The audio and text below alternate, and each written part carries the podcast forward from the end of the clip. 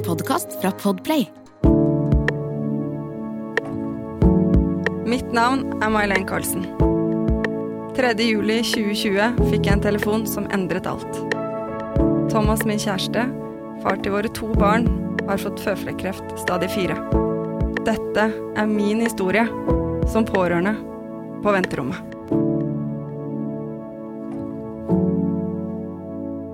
Alle sammen. Da er det en eh, ny uke og nye muligheter. I hvert fall for mange av oss der ute, men ikke for May-Len Carlsen, for hun har fått korona.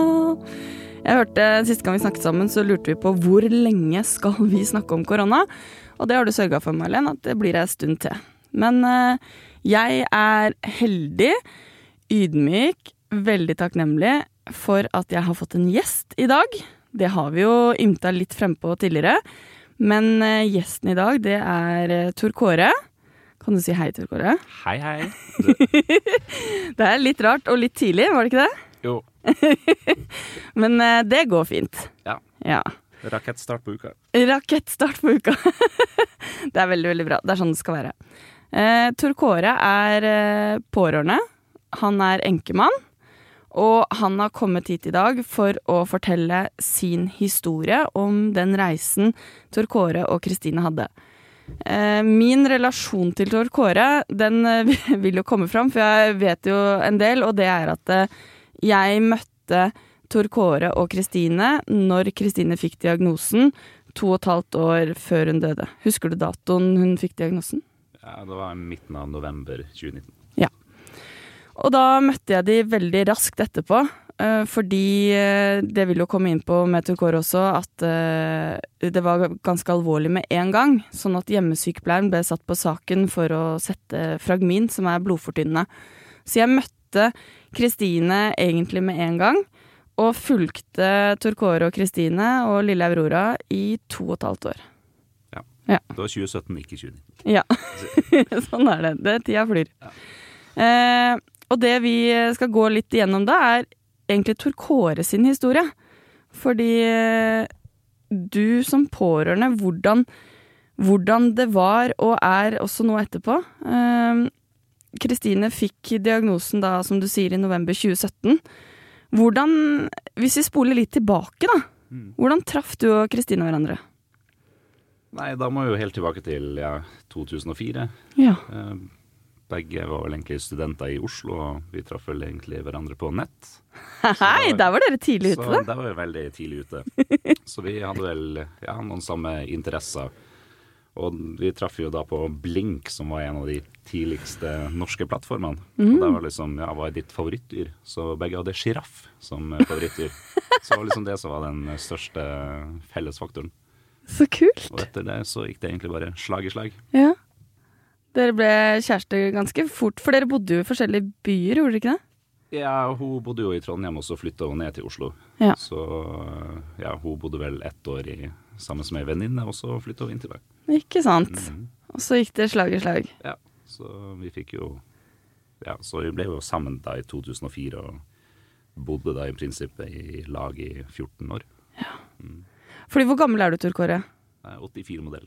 Men det, du og Kristine, hvordan var liksom hverdagen deres, eh, dere to?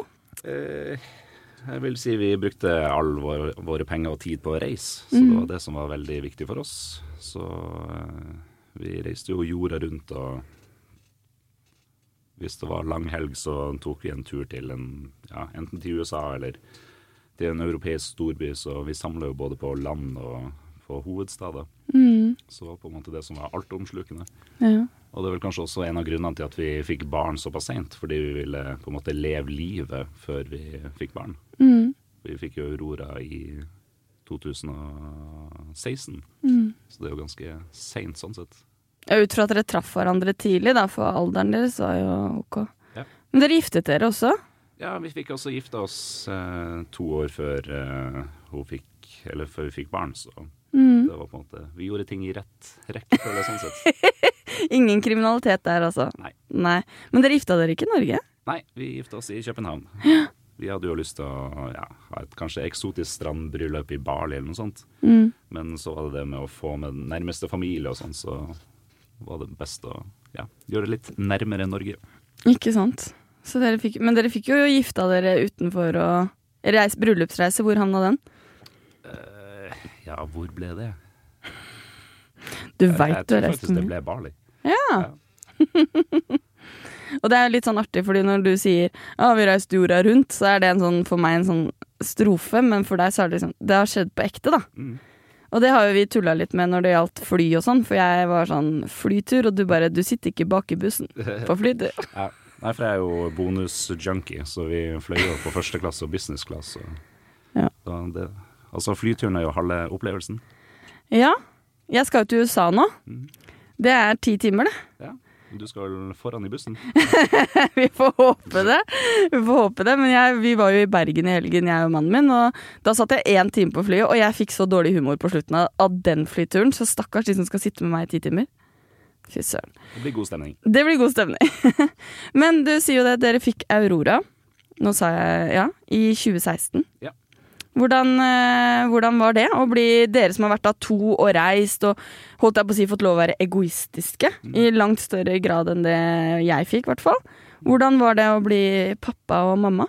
Jo, det blir jo en helt ny hverdag. Men jeg føler jo samtidig at vi hadde på en måte gjort den reisinga som vi hadde planlagt. Så det var på en måte veldig naturlig å komme inn i en ny fase. Mm. Vi hadde jo også ja, kjøpt rekkehus og flytta ut av Oslo. Så det var jo en del av den store planen. Så sånn sett så føltes det jo naturlig.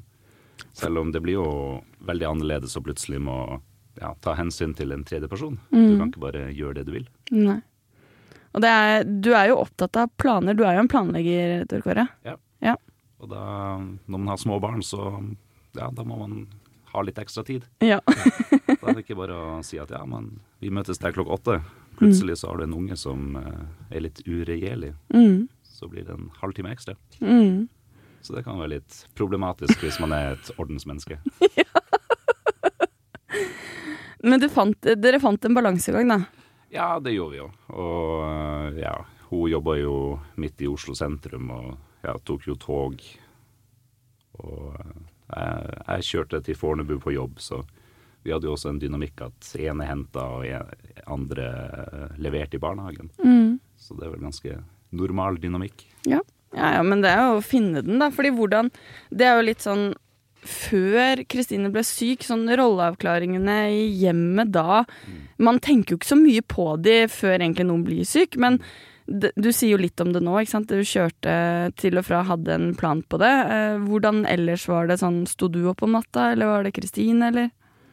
Nei, jeg vil jo si første året så er det jo mye mor. Mm. Så det var jo mor som på en måte tok seg av Aurora, i hvert fall på natta det første året. Mm. Far har jo ikke så mye han skulle ha sagt. Så Ah, ansvarsfraskrivelse, eller? Nei da, men det, jeg ser hva du mener. Men sånn å leke og sånn, var det greia di? Eller middagslaging? Når hun var i permisjon og du var på jobb, var det, kom du til dekka bord? eh, det var ikke alltid. Nei. Men uh, hun var i hvert fall Hun likte jo hverdagen, og hun likte å lage mat. Mm. Så hun så jo på det som et avbrekk, så kunne jeg passe på Aurora. Mm. Og særlig etter den, ja, de første sju-åtte måned, sju, månedene når hun var hjemme med Aurora, så var hun veldig klar til å gå ut i jobb igjen. Mm. For du blir jo litt lei av den småbarnsfasen også. Mm. For du går jo bare rundt og fjaser, og det er liksom ikke de intelligente samtalene du har. Nei. Så hun savna veldig å ja, komme tilbake til jobb og litt mer eh, profesjonelt miljø. Ja. Og bruke hodet sitt igjen. Mm. Ja, for det er der var jeg og Kristine veldig like, for jeg også syntes sånn småbarn og babyer og gulp var litt kjedelig. Syns jeg det var kulere når de ble litt større. Men det er, du sa jo noe om det med mat, fordi mat jo, var jo også en passion for dere to. Mm. Ja, vi, det var jo også halve greia med å reise rundt. Smak på nye smaker og nye retter. Så vi brukte jo også ganske mye tid på å lage mat. Og det er jo klart, når du får små barn i hus, så får du ikke så mye tid på å lage mat heller. Så da blir det litt mer standardretter. Mm. Men dere var, men Kristine var liksom, når hun var hjemme, da, så var det, var det litt hennes rolle i større grad. Ja, og likte jo også å lage mat fra bunnen av, så det var jo perfekt. Ja, ja ikke sant. Da hører man det. Det er akkurat som å høre meg. Not. Jeg var ikke god på det. Eh, hvor mange måneder fikk dere som familie hvor ting tilsynelatende var veldig bra?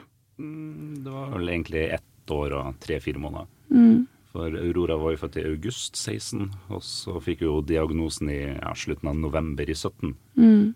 Og det starta egentlig med at hun hadde litt vondt i magen i starten av november. Og så etter to uker så ble det såpass mye smerte at hun dro inn til legen. Mm. Og da ble hun sendt rett på legevakta. Visste du noe om de smertene hun hadde i magen da de to ukene? Hun hadde jo klaga litt på de smertene, så, men eh, vi trodde jo selvsagt ikke at det var noe alvorlig. Nei. Så, så jeg husker jo jeg sto på jobb og ja, makulerte masse dokumenter akkurat når hun ringte og sa at ja, nei, nå må jeg inn til Bærum. Mm. Så da var det bare å hive seg rundt og ja, hente Aurora og ja, få noen til å passe på henne og så dra inn til Bærum. Ja, for visste du da, når den telefonen kom, alvorlighetsgraden Nei, det visste vi ikke. Så først så hadde hun vel fått antyde at det kanskje kunne være tarmslyng eller noe i den duren. mm. Og det er jo også i og for seg ganske alvorlig. Ja. Og så hva skjedde når du kom inn på sykehuset? Eh, hun hadde vel ikke fått vite så mye den eh, første dagen, så det var vel egentlig på dag to eller tre at hun ble sendt videre til eh, radium. Hvor var du hen da, i de dagene? Fikk du være sammen på sykehuset da? Eh, jeg tror faktisk jeg dro på jobb på dagtid, og så var jeg sammen med henne på kveldstid på sykehuset. Mm. Og så, ja For, for jeg husker veldig godt uh, møtet med den første legen på radium. Mm. Når hun liksom sa at ja, men du har kreft. Og da var det akkurat som ja, verden bare falt sammen. Mm. Begynte å kaldsvette. Eh, hørselen, det hørtes ut som man var under vann. Man hadde lyst til å bare svime av. Ja. Så det var en veldig spesiell opplevelse. Ja, det skjønner jeg. Og i ettertid så har jeg jo fått vite at ja, men hun som undersøkte henne på Bærum først, hun så jo at det var noe som var galt. Ok. Men hun sa på en måte ikke hva som var galt, eller hva hun trodde diagnosen kunne være. Nei. Men det er vel litt mer eh, normalt forløp at man sier ikke ting før man er 100% sikker. Nei, det er, det er jo for å være helt sikker, for det er jo en brutalitet å få. Det er vanskelig å reversere en slik beskjed. Mm. Hvordan, eh, for deg da, som du sier, du, du følte at du snakka under vann. Hvordan, hvordan går man videre derfra, fra det besøket hos legen? Eh, ting skjedde jo veldig fort da, så uka etter så fikk jo de første behandlingene. Mm. Så jeg vil jo si at eh, pakkeforløpet der gikk jo ganske fort. Mm. Så begynte jo på cellegift og ja, man, altså, akkurat da så var jo den største bekymringa ok, kommer hun til å miste hår eller ikke, og det gjør man jo når man får cellegift. Mm. Så akkurat da så tror jeg ikke man innså hvor alvorlig det var. Mm. For kreft er jo noe som veldig mange får, og det er jo ikke alle som dør av det. Nei. Så og er det jo hele tida et spørsmål ok, snakker vi, vil du overleve ett år, er det fem år eller er det ti år?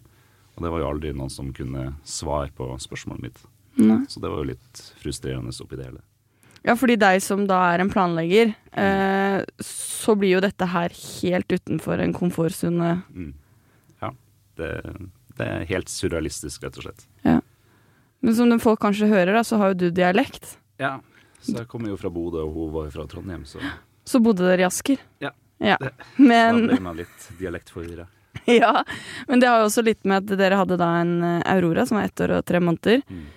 Hvor fort Hva gjorde dere Altså sånn For du klarer jo ikke å være alle steder på en gang. Hva Fikk dere hjelp?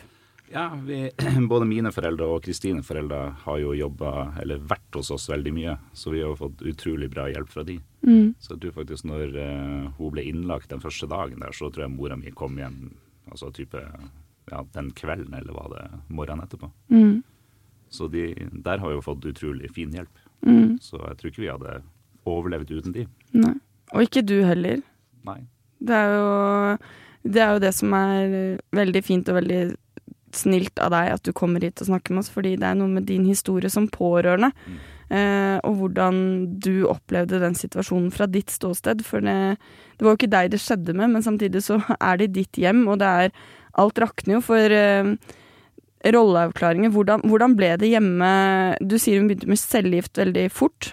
Ja, så hadde vel ja, ukentlig eller annenhver uke med cellegift, og det gikk vel på i ja, var det seks eller åtte uker. Mm. Og så ble det operasjon, og det var vel i februar eller mars 2018. Mm. Og ja, de sa vel at de fikk fjerna det meste, men det var litt som de ikke fikk fjerna. Mm. Så da var det sånn OK, hva skjer videre? Så hun begynte jo på en ny cellegiftkur etter der igjen. Mm. Så, men igjen, man fikk jo liksom ikke 100% svar på hva er prognosen videre, og hvor mye har man egentlig fjerna. Mm. Så Og det var jo, det er jo der jeg, jeg eller hjemmetjenesten kom inn i bildet, fordi når hun hadde vært på legevakt og de skjønte etter hvert omfanget, i, i hvert fall i noe grad, og hun startet opp med cellegift, så måtte hun ha blodfortynnende mm. morgen og kveld. Ja. Eh, og det er da en sprøyte som man Når man trenger ganske store doser, så må man få en sprøyte. Og det er en sprøyte som blir satt i magen. Og ble jo Da ble jo hjemmetjenesten satt inn ganske tidlig. Ja, så plutselig så var det jo en normal hverdag at ja, det kom noen fremmede inn i hjemmet to ganger i, eh, Døgnet. i døgnet. Hvordan var det? Det er jo surrealistisk å si det, men det føltes bare helt normalt, for det var liksom den hverdagen vi var oppi. Mm. Og du var jo en av de første som eh, kom, Mm. så det var jo der vi traff hverandre. Mm. Ja, det var Jeg husker når jeg skulle til dere første gangen, så jeg, jeg var så eh, redd.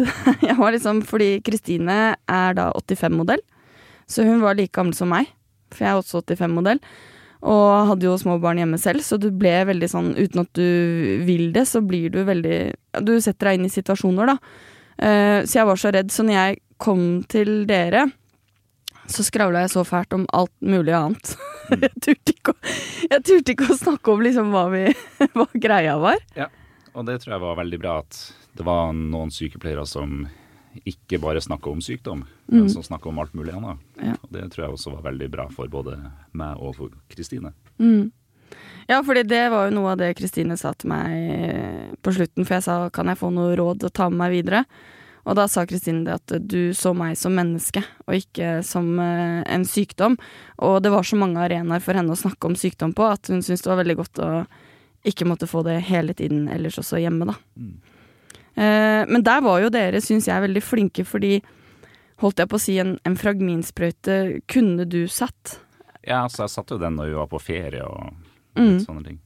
Men dere passa jo også på at du skulle være også ektemann, at du ikke var helsepersonellet. Ja, og jeg vil jo også si at det var en trygghet å få noen helsepersonell til å komme og se på hver dag. Mm. Se at alt eh, var bra. Mm.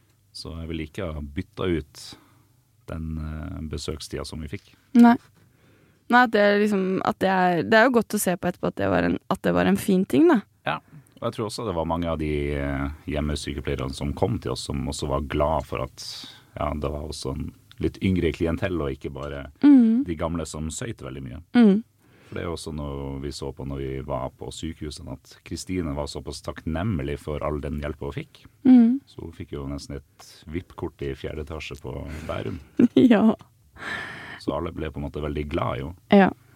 Mens rundt oss så hørte vi enkelte som ja, ikke var så fin mot de ansatte. Mm, mm. Og det er jo Det er, veldig riktig det du sier der, og vi hadde jo pappa her forrige uke, og da var det litt sånn Han valgt, eller han har valgt en måte å håndtere dette på, som at det skal ikke ta mer plass enn det det må, og jeg skal på jobb, og jeg skal på en måte finne min hverdag og leve livet. Den kreften skal ikke ta mer enn den skal. Og jeg opplever jo egentlig at det var litt sånn Kristine også gjorde det. Og hvordan ble det for deg som pårørende da, når hun tok det sånn? Tror du det har vært en fordel for deg, eller en ulempe? Nei, jeg tror det var en fordel, for vi fikk jo en viss dynamikk her. At jeg jobba jo ja, fulltid nesten hele tida. Det var kanskje totalt i løpet av de to og et halvt årene så jobba jeg Eller så var jeg sykemeldt ja, hel eller halvt på kanskje fire måneder totalt. Mm. Så vi hadde jo en dynamikk at når hun var på sykehuset, så var det på en måte hennes friplass. Mm. Og så kom jeg og besøkte hun etter jobb. For vi hadde jo veldig mye besøk, så Aurora ble jo tatt hånd om. Mm. Så jeg tror det også var veldig viktig for altså livene til begge to. At man ikke bare låste seg inne på et sykehus 24-7 og ja, drodla stura videre der. Mm. At du Så- ikke bare eksisterte. Ja, sånn at vi fikk gjort litt normale ting. Mm. Ja, fordi det var jo dere veldig flinke på. Mm, vi var det.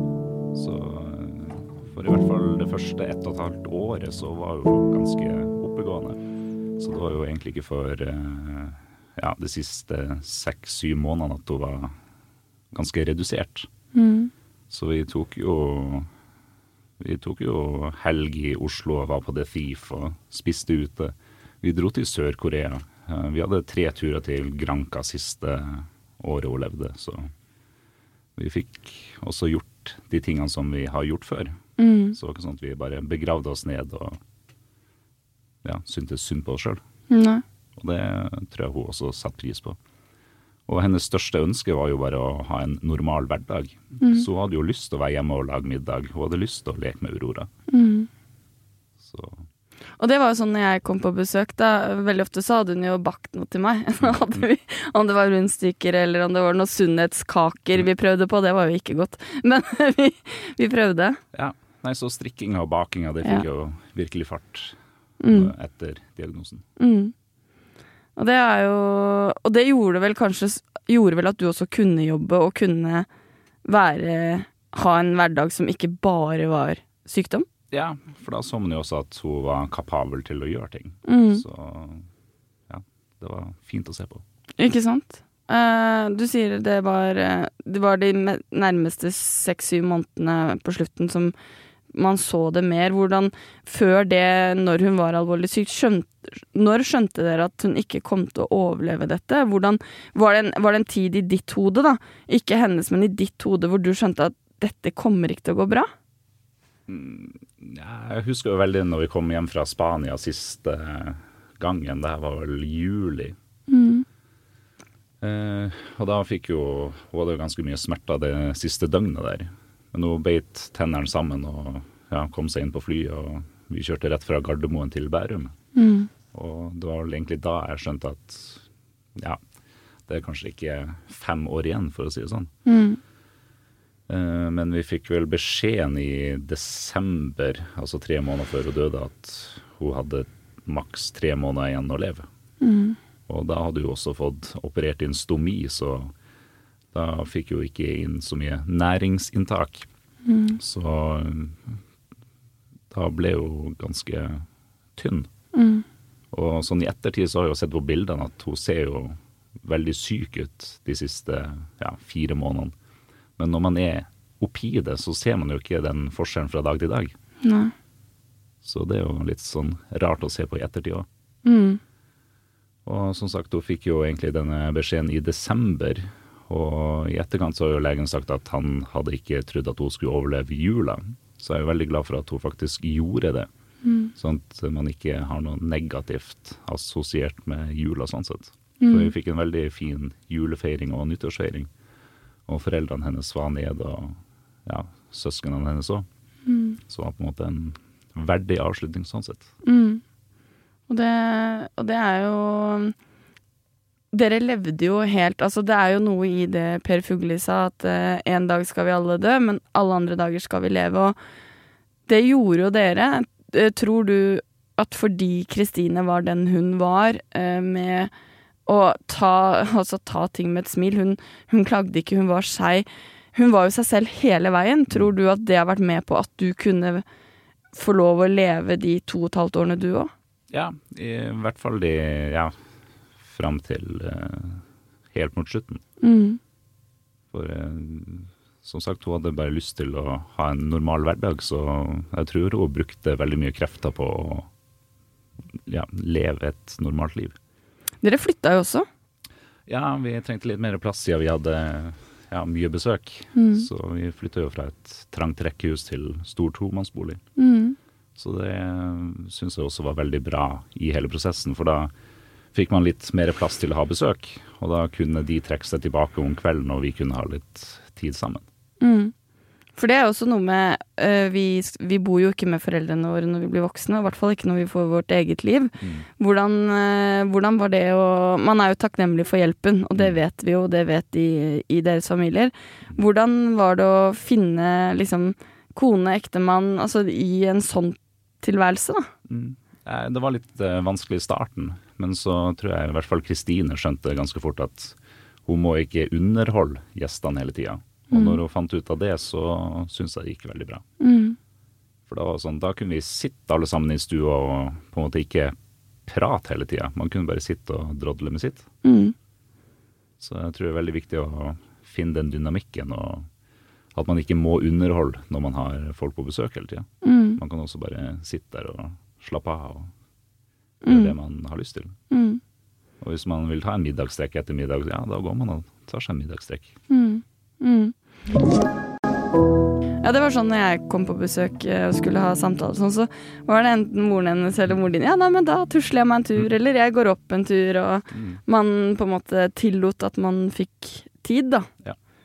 Var du Var du sint? Frustrert? Altså, hvor Hva var din arena for å få ut frustrasjon, da? Eh, Snakka du med Kristine, eller gjorde du noe, eller hvordan liksom håndterte du hodet? For i hvert fall de vi har snakket med, så er det veldig psykisk Den påkjenningen er veldig psykisk tung. Mm. Nei, det var vel egentlig bare at jeg sprang mer enn normalt. Det var løpeturer som eh, Det er vel det som er svaret på alt. Mm. Det er også når du leser alle lederlitteratur og sånt. De som eh, jogger daglig, det er de som gjør det bra. Fordi da får man eh, ro til å tenke litt og drodle litt. Det er også vanskelig å puste når man løper, altså, jeg vil bare si. Eh, ja. Men du gjør det jo innvendig, så. Ah, Mm, det var sånn, det var sånn det var. Altså, du løp mye. For det gjorde jo også Kristine. Hun løp KK-mila når hun var syk òg. Ja, og rett på sykehuset etterpå. Ja. det var, Så det var ganske dramatisk. ja. Det var, det var Den biten liksom glemte Jeg skryter av KK-Milla, men det er helt riktig. Og det var jo Det var en periode var sånn jeg kom, så bare Kamilla, jeg har klart meg en hel uke uten å være på sykehuset. Mm. Det ble, en, det ble nesten en liten sport i det òg. Nei, så Ja. Også som du sier, hun var jo mye på sykehuset, og hadde hun feber, så måtte hun inn. Mm. Det er jo en bivirkning til eh, kreften. Mm. Så for oss så var det jo helt normalt at en sykebil kom og henta henne. Mm. Hun hadde, ja, i løpet av de to og et halvt årene, jeg vet ikke hvor mange sykehusdøgn hun hadde, det må jo være flere hundre. Ja. ja. Det ble, det ble en del, og jeg må jo si at um, som helsepersonell da, den, i den situasjonen der også, så jeg, det var utrolig godt å se hvordan ting fungerte, fordi jeg syns at hjemmetjenesten og sykehuset samarbeida så utrolig bra. Eh, dere var jo, kom jo tidlig i kontakt med det man kaller et palliativt team, som jobber på Bærum. De legene og sykepleierne de jobber jo ut mot pasientene hjemme, og også når de er inne på sykehuset. Og det gjorde jo at de ble jo et bindeledd, og jeg jobba med de, så vi snakket sammen, og man fikk en sånn helhetlig omsorg for henne, da. Eh, som gjorde at skulle hun inn på sykehuset, så var det en telefon, og ja, det, hun fikk eget rom. Hun De la til rette fordi dessverre eller det er jo bra at det ikke er så mange som blir alvorlig syke, så unge og med små barn. Eh, Men det gjorde også at dere fikk muligheten til å bli ordentlig sett, da. Mm. Ja, så jeg er veldig glad og takknemlig for at vi bodde i Asker og ja, hadde det nettverket rundt oss, Mm. sånn rent faglig. Mm. For jeg tror det har mye å si på hvilke personer du møter på i helsevesenet. Mm. Ja, det er jo personavhengig. Altså, det, vi er jo mennesker til Mm. syvende og sist. Og så bare det at Asker hadde en kreftkoordinator, Mm. som vel du hadde som rolle. Ja, jeg ble jo litt sånn ja, kreftsykepleier, da, så jeg fulgte opp uh, Det som var positivt med det, var jo at man fikk møtes før man var så alvorlig syk også, fordi hun fikk de fragminsprøytene som gjorde at man kjente hverandre, så man visste litt Kunne vite litt mer hvor try skoen trykket, eller hva man Man hadde bygd tillit, da. For tillit er jo viktig. Mm, absolutt. Mm. Og det var jo et komplekst bilde med tanke på smerteproblematikk. Det var jo mye innleggelser av det òg. Mm. Eh, Aurora. Ett år og tre måneder. Mm. Så ja. Hun vet jo ikke om en annen hverdag, i hvert fall fra hun var ett til tre år. Mm. Så for henne så var det jo bare normalt at ja, en nabo eller plutselig kom bestemor og hentet henne i barnehagen. Og, ja. Mm. Eller at bare en sykebil kom og henta mamma. Mm. Så det, det er også ganske surrealistisk. Men barn er jo veldig enkelt sånn sett. Mm. For de vet jo ikke om det. Da. Mm. Så jeg tror også det var bra at hun var såpass ung når det her skjedde. For jeg har jo også prata med en del andre folk som har vært i samme situasjon, men som har litt eldre barn. Og de, mange av de har ikke takla det så bra. Nei. For da kan de få litt mer skyldfølelse. At ja, men hvorfor lever jeg mens mammaen min døde, osv. osv. Så, Mm. så det er jo litt trist å si det, men jeg tror ikke at Aurora kommer til å huske sin mamma. Nei. Det blir nok mer ut fra bilder og fra video. Mm. Tenkte du noen gang på det når Kristine var syk? Mm, egentlig ikke. Nei. Tror du Kristine gjorde det? Mm, altså, hun var jo kristen, så hun har vel sagt at ja, men vi ses igjen. Mm. Mm. Det var også veldig fint med, med barnehagen Aurora gikk i, fordi jeg var jo i samtale også i barnehagen Mm. og snakka med de ansatte, og jeg opplevde veldig en sånn et ønske om å gjøre det best mulig, og de, de var gode på å lese Aurora for å skjønne når hva, hvilken atferd er det hun har nå? Er det på en måte i sorg? Er det frustrasjon? Er det glede? Altså sånn, de ønsket virkelig å være flinke, da. Og det er jo, det er jo som du sier, at man har flere å spille på og støtteapparat rundt, som er eh, viktig. Eh, Var det lett i gåsehudene å ta imot hjelp som pårørende? Altså sånn Man skal jo egentlig klare hverdagen sin selv, på en måte. Var det vanskelig, eller var det Nei, jeg syns det var veldig lett. mm, For eh, ja, begge foreldrene mine er jo pensjonister, så de kunne jo stille opp altså ganske fort uten at jeg hadde noe å si sånn sett. De hadde ikke noe jobbforpliktelser og sånne ting. Og eh, ja, foreldrene til Kristine eh, hun Mammaen der er jo lærer, så hun hadde jo litt mer en timeplan som hun måtte følge. mm, Men pappaen hennes har jo litt mer fri rolle sånn sett, så han kunne jo også jobbe fra Oslo. mm, Så det var jo veldig fint oppi det hele. Og så har vi også en god del venner som også har stilt opp. Og det beste der var jo bare når folk gjorde ting uten å spørre om det. mm, For det, det, det er kanskje det verste Altså Den verste setninga noen kunne si til meg Ja, trenger du hjelp, så ta kontakt. mm, Altså ikke gjør det, bare gjør ting. mm. Ikke spør om du trenger hjelp, Nei, for man trenger hjelp. Ja. ikke sant. Man trenger hjelp. Ja. Det er ikke livlaget ellers. Nei. Og jeg syns det er litt lettere å spørre familie om hjelp, og ikke så lett kanskje i alle tilfeller å spørre om venner. Mm. Mm. Så det er tips hvis man har kjente eller vet om folk som er i den situasjonen, at bare gjør ting. Mm. Det vil bli satt utrolig stor pris på. Mm. Ja, det, det er det som Ja, lys, lysglimt da, som gjør at man klarer å puste over, over vann. Ja. Eh, hvordan var det for deg Vi snakket jo litt sammen når også Kristine levde, med å, å få en ventil også for deg, da, å snakke med noen i samme situasjon. Altså støttegrupper, ordninger. Hvordan var prosessene rundt det, syns du? Mm, jeg vil si altså mens hun levde, så var det ikke noe særlig støttegruppe. Nei? Så det ble jo mer aktuelt etter at hun døde. Mm. Og da var det jo Ja, man blir jo automatisk tildelt en fra kirka. Og så fikk jo jeg tips fra deg også om Fransiskushjelpen i Oslo. Mm. Og jeg vil si dem fra kirka Snittalderen der var 70. Eh, alle hadde en dødd en naturlig død, så å si. Mm. Så jeg følte meg ikke hjemme i den gruppa der. Mm. Og der, ja, så der sa jeg fra meg den plassen etter to møter. Mm. For det ga meg ingenting. Om ikke annet så ble jeg bare mer på en måte syk av å være der. Mm. Men eh, mens Fransiskushjelpen, der eh, er det jo folk som er i samme situasjon som deg. Eh, nesten alle der har jo også dødd av kreft eller en plutselig ulykke. Mm. Og snittalderen er ja, mellom 30 og 40. Mm. Og de fleste har barn der, så det er litt Man relaterer seg mer til deres situasjon. Mm. Så det har jo hjulpet meg mye. Mm. Og det er også ja, godt å se at det er folk som har kommet seg videre og, og også fått ny familie. Mm. Så det er jo ting som man har blitt inspirert av. Mm. Og det er jo Det var litt eh, tilbake til med Aurora også, så øh, fordi man bygger tillit som vi gjorde, så var jo det også med på at jeg hadde jo mange samtaler også med Aurora. Mm.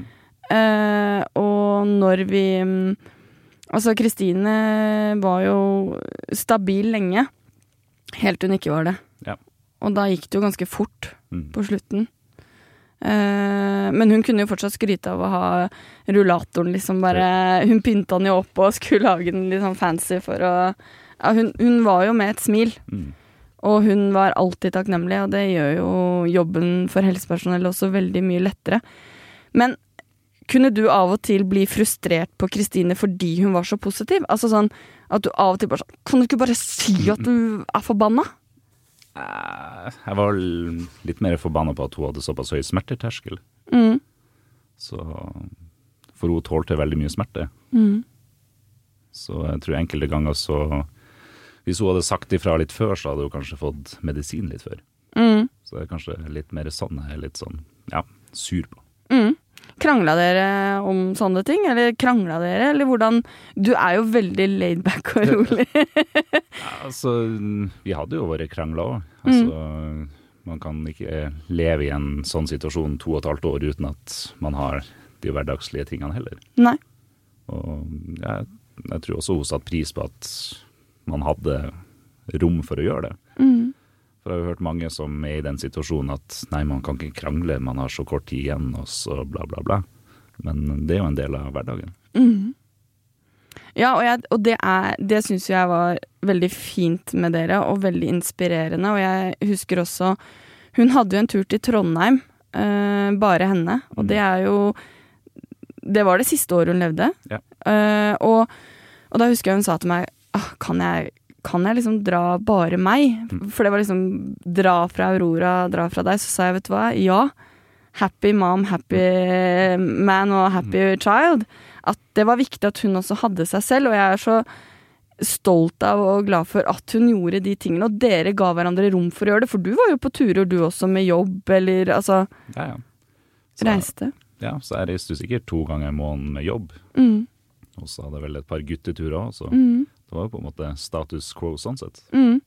Ja, så dere ga jo hverandre muligheten til å, å leve selv i en sånn situasjon, da, fordi å bare bo i en boble kan jo bli Du kan jo bli gæren av mindre. Mm.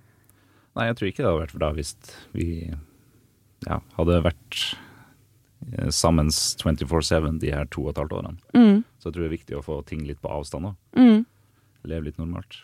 Klarte du å glemme det når du var på jobb eller reiser eller Ja, altså Man prøver jo å switche en mental switch her. mm, Så man går jo inn i forskjellige roller sånn sett. Så Mm. når man er på jobb, så er man på jobb. Og når man kommer hjem igjen, så er man hjemme. mm. Så i hvert fall jeg klarer mentalt å switche over der. Fordi du løper. Ja, fordi jeg løper. Og terreng. Det er jo sånn kart og sånn òg, er det ikke det? Ja, men det Jeg begynte mer med terrengløp etter at Kristine døde. Ok, ja. Men Da- det er sånn. Ja, Da trengte du enda litt mer indre ro. Ja, det var egentlig at jeg var sykemeldt 100 i et par måneder etterpå. Så Ja. da, når man er, har løpt ti kilometer, så har man brukt én time. Og da er det fortsatt sju timer igjen av barnehagen. Ja. Da fikk du snikskryte litt på hvor raskt du er, så det var jo en fordel for deg der. Ja. Nei, ja, nei, men den, eh, den ser jeg. Hvordan syns du helsevesenet så deg? Følte du deg inkludert? Altså Nå skal det jo sies at eh, Eller info, dette var jo før korona. Mm. Heldigvis. Ja. Hvordan var det å være pårørende og møte helsevesenet?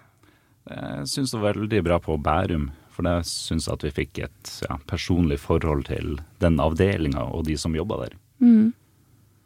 Uh, mens på Radium, det vil jeg si var litt mer fabrikk. Mm. Så jeg vil ikke si at man fikk de personlige relasjonene som man kanskje burde ha hatt. Mm. Så jeg syns det var veldig stor forskjell fra sykehus til sykehus. Mm.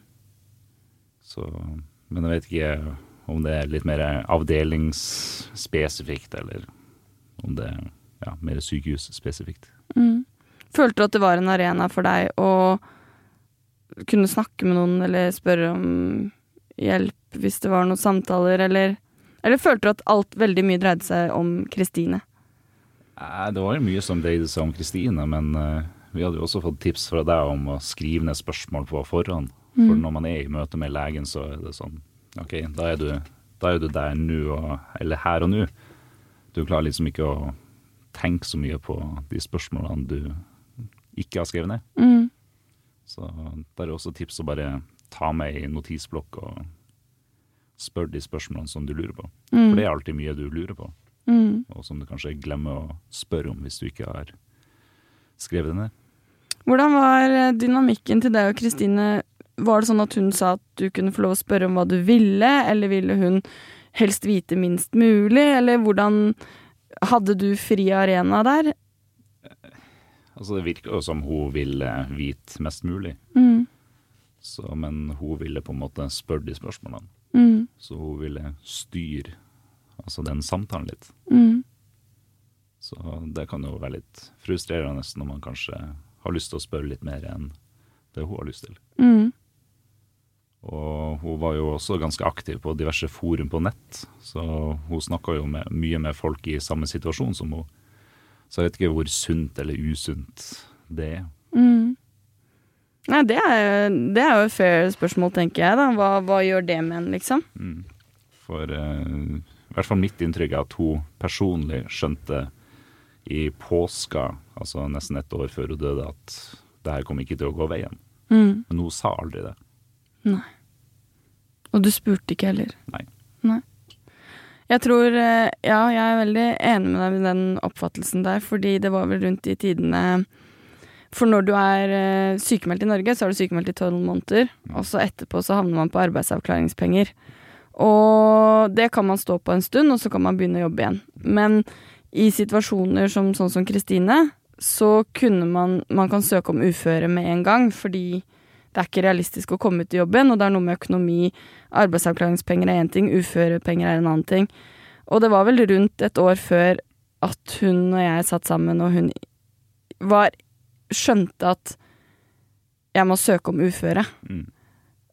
Det, men jeg tror Det var kanskje hennes måte å si det på, at hun hadde skjønt det, men ikke ville si det, da, men man skjønte det. Mm. Ja, for du hadde jo prøvd å jobbe 10% eller Mm. hva det var. Og det funka jo en liten periode, og så ble det såpass mye, eller ofte, sykehusinnleggelse at det ikke gikk. Mm. Ja, hun prøvde virkelig, og hun holdt jo også en veldig tett kontakt med, med jobben sin, og Mm. Snakka med de på jobb. Ja. Det er eh, Og det er jo og det, og det er jo bra, men sånn som i hennes tilfelle, så, så var det jo på en måte ikke Ja, det var kanskje en mental knekk. mm. Merka du det på henne? At det skjedde en switch, sånn som på Nei, ikke um umiddelbart der. Nei. Jeg tror det var mer eh, ja, utover høsten. Mm. For da begynte hun også å få litt mer smerter. Mm. Og det var, også, det var jo også bakgrunnen til at hun fikk operert inn stomi. Mm. Så det var jo også et tegn på at ja, ting kanskje ikke var helt perfekt i magen heller. Nei. Så det var vel da det begynte å akselerere litt. Mm.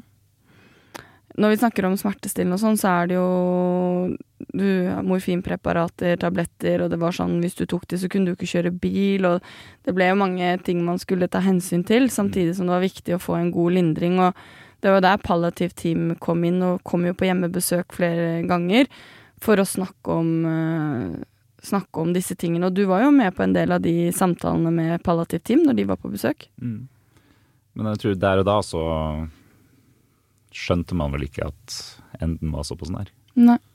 For det ble på en måte en del av den vanlige medisineringa. Mm. Syns du det er eh, kjipt å tenke etterpå at ikke du skjønte det før, eller tenker du at eh, Ja, både ja og nei. Det er jo greit å ja, leve litt uten å vite 100 heller. mm, For det var ikke akkurat som at man ble presentert på at ja, men her er palliativt team, og vi skal gjøre ditt og datt. mm, Så ja. Også personlig, det var jo ikke før man på en måte fikk det dødsbudskapet tre måneder før at det virkelig gikk opp for det. Nei. Så det var litt vanskelig. Er det rart å se på etterpå at man At man egentlig ikke Altså at det, det var de siste tre månedene, da skjønte man det, men så har man egentlig stått i det så lenge som det dere hadde gjort, da. Mm. Og så er det akkurat som at når noen forteller deg det, det er da det bare Oi, shit, nå er det virkelig. Men det er vel at man, som du sier, står opp i det, at man bygger et forsvar. Mm. Så bruker man bare det forsvaret til å prøve å leve et normalt liv. Og så er det ikke alt som kommer igjennom. Altså man filtrerer ut enkelte ting. Mm. Og det er vel kanskje også en måte å takle hele situasjonen på. Mm. For jeg husker også etter det første møtet man hadde med legen, der de sa rett ut at jeg var kreft. eh, Så etter det så hadde jeg veldig lave forventninger til alle møter med legen, sånn at jeg ikke skulle bli skuffa. Mm. Og det tror jeg var en bra mental sak, Mm. sånn at man ikke skulle bli på en måte ja, helt utkjørt. For det blir jo etter hvert ganske mange møter med leger. Mm. Men der eh, hadde jeg også håpa at det var litt mer eh, ja, samstemt mellom de forskjellige legene. Mm. For jeg husker veldig spesielt i en situasjon der man hadde vært inne på samtale på radium, og hun hadde nettopp gått av en uh, cellegiftkur. Og den hadde, ja, hun sa vel at ja, den hadde ikke funka 100% men uh, ting hadde på en måte ikke vokst ut igjen heller. Og så kommer man dagen etterpå på Bærum og får beskjed ja, oi, jeg ser du fikk dårlige nyheter på radioen i går. Så jeg er jo mer for å kalle en spade for en spade. Mm.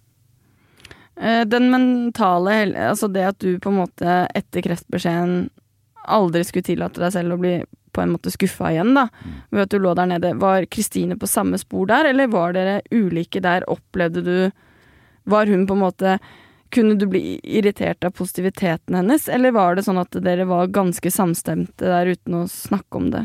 Ja, jeg tror egentlig vi var ganske samstemt. Mm. Selv om hun var kanskje hakket mer positiv. Mm. Men uh, i bunn og grunn så tror jeg man var ja, ganske realistisk begge to. Mm. Kanskje det var derfor dere klarte å nyte dagen også, sånn og dra på det vel, gjorde dere òg, gjorde dere ikke det? Ja, vi var vel der ja, nesten ukentlig en periode. Så. Ja. Så det er bra. Good times. Ja. Eh, og det er jo jeg, jeg og May-Len, vi som da er hjemme med covid, eh, hun eh, Vi snakket litt om forrige gang dette med samtaler. Eh, det å snakke om eh, døden, det å snakke om etterpå. Mm. Eh, når man er alvorlig syk over tid, så får man jo får man jo egentlig en mulighet til å kunne snakke sammen, i større grad enn hvis noen blir brått revet vekk. Mm. Benyttet dere dere av den anledningen til å snakke sammen? Mm, Ja, vi fikk faktisk den samtalen to dager før hun døde. Og da var det legen som ja, på en måte insisterte på at vi burde ta den praten. Ja. Og det tror jeg var veldig bra, for hun var faktisk veldig takknemlig for at vi fikk ta den samtalen. For hun hadde jo gått rundt i ett år og på en måte planlagt sin egen begravelse. Mm. Så det var jo veldig fint at hun faktisk fikk sagt det hun hadde lyst til. Mm. Så sånn sett så syns jeg det var en veldig fin avslutning. Mm. Så um, ikke utsett den samtalen der. Nei. For som du sier, når man er i et langvarig sykeforløp, så har man sjansen til det. Mm. Det har man ikke hvis man ja, blir utsatt for en ulykke. Nei. Gjorde det lettere for deg alt det praktiske ved at man har snakket sammen? Ja, det gjorde det. For eh, det var jo masse ting der som jeg ikke hadde tenkt på. Mm. Så det, de siste bitene falt bokstavelig talt på plass. Mm. Så jeg er veldig takknemlig for den samtalen der. Ikke sant. Og det var ikke sånn at eh, Det kom overraskende på henne at hun var døende. Hun skjønte det på kroppen sin at det var sånn det var, så det ble ikke Det ble tøft fordi man fikk snakke Altså, dere fikk jo på en måte dele sorgen litt sammen rundt døden hennes. At Mm. dere fikk gjøre det sammen, da. Nei, så det virka som ja, hun fikk på en måte utløp for ja, for sine tanker der. Så du så at hun ble på en måte letta. Mm. Så det var fint å se.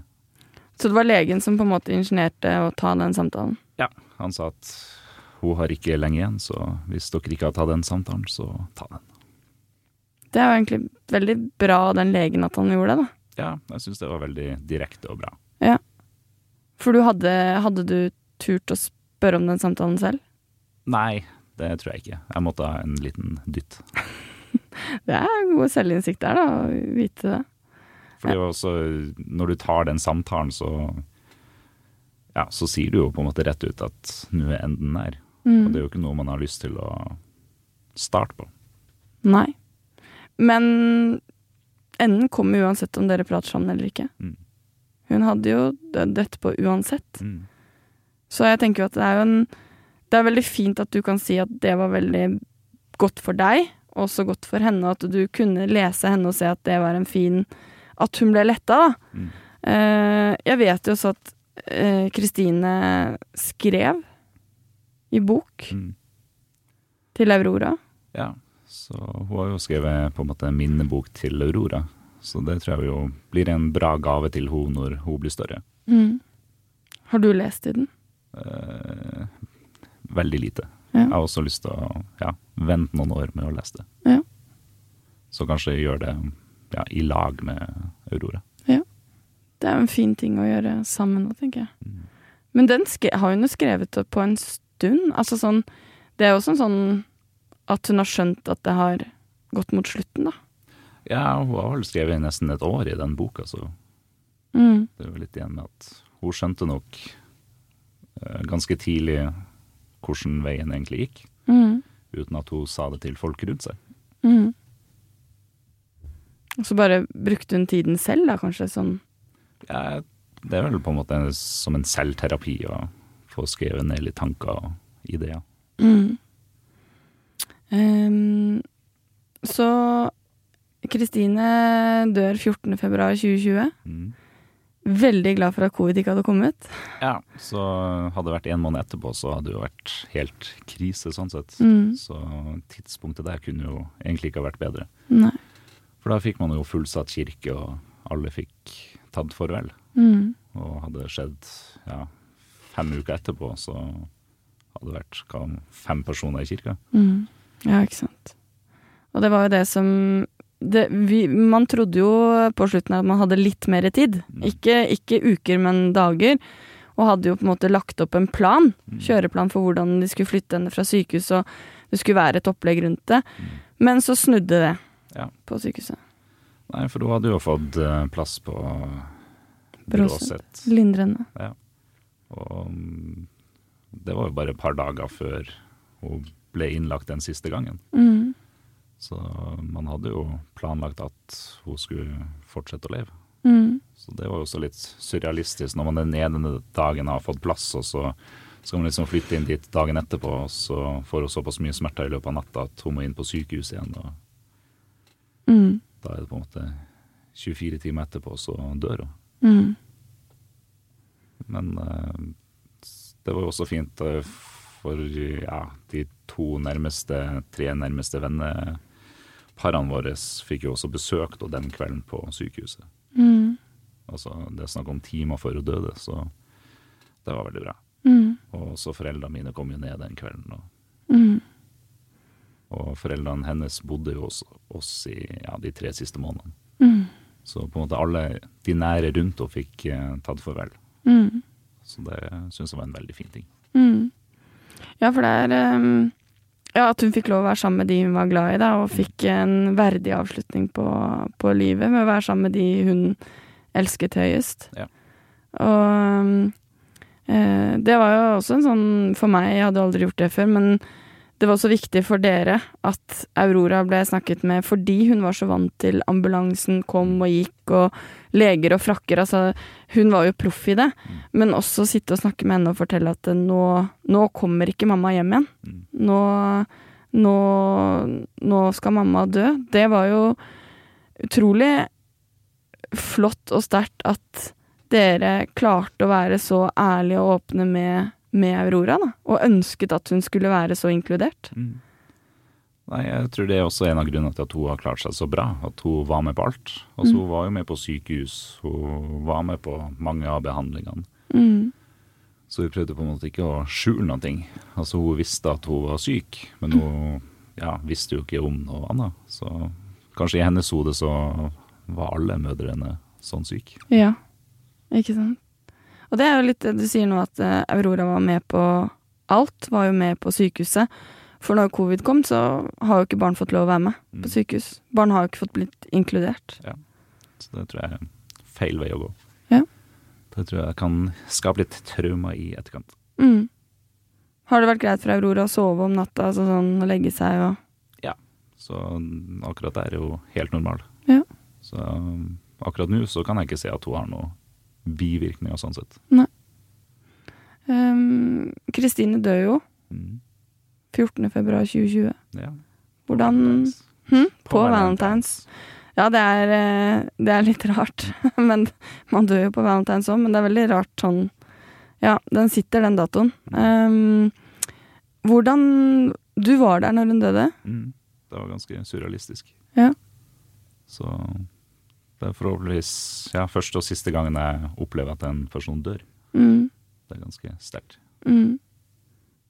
Hvordan Du Og, sier og det er ikke sånn som på film at man bare sovner stille inn. Nei. Nei, hun gjør ikke det. Um, hvordan um, Du visste jo det siste halvåret at hun kom til å dø. Mm. Men det er jo én ting å vite det, og det en annen ting er jo når det faktisk skjer. Mm. Hvordan var det? Igjen, det er jo sånn helt surrealistisk situasjon. Mm. Altså ene Altså klokka tolv så ja, er hun der, og to timer etterpå så er hun der ikke. Mm. Så Og så ja, bare dra hjem fra sykehuset en siste gang. Mm. Det er liksom Da tenker man hva, hva er veien videre? Hva skjer? Mm. Begynte du liksom automatisk å altså sånn, Det er sånn Da må man bare begynne å tenke. Liksom, hvordan skal jeg overleve dette, jeg? Da må man bare begynne å ja, se på hvordan blir den nye hverdagen. Mm. Ja. Og det var Nei, det skjønner jeg. Og så var det jo begravelse en uke etterpå. ja. Så alt gikk jo ganske kjapt, kjapt. Mm. For da var det en ja, hva var det, natt til torsdag eller natt til fredag hun døde, og så var det begravelse ei uke etterpå. Så alt gikk jo ganske radig for seg. Mm. Og der var det jo også ganske fint å se at det var såpass mange som kom i eh, kirka. Mm. Så det var jo fullstappa kirke, og det ble en veldig fin seremoni sånn sett. Veldig, veldig fin. Og så var det jo også regn den dagen. Og Mm. det var også regn når vi gifta oss, og det var kanskje en rød tråd. Det var så fint at du sa. Og det er så gøy, eller jeg syns det er sånn gøy fordi jeg hadde jo mange samtaler med Kristine, og hun var sånn ja, Tor Kåre han, han vil sikkert ikke snakke så mye, eller han snakker ikke. Og liksom sånn, å Camilla, du må få han til å snakke. Og liksom, for vi to hadde jo også noen samtaler, bare du og jeg. Uh, jeg tror hun syns det er kult at du er her i dag med, med meg, jeg. Mm. Tror ikke du det òg? Hun setter pris på deg. Ja. Og så da tenker jeg at vi runder av denne episoden. Eh, Det kommer en episode to hvor vi snakker litt om tiden etterpå. Men så langt så ønsker vi dere en eh, god uke. Du har hørt en podkast fra Podplay. En enklere måte å høre podkast på. Last ned appen Podplay, eller se podplay.no.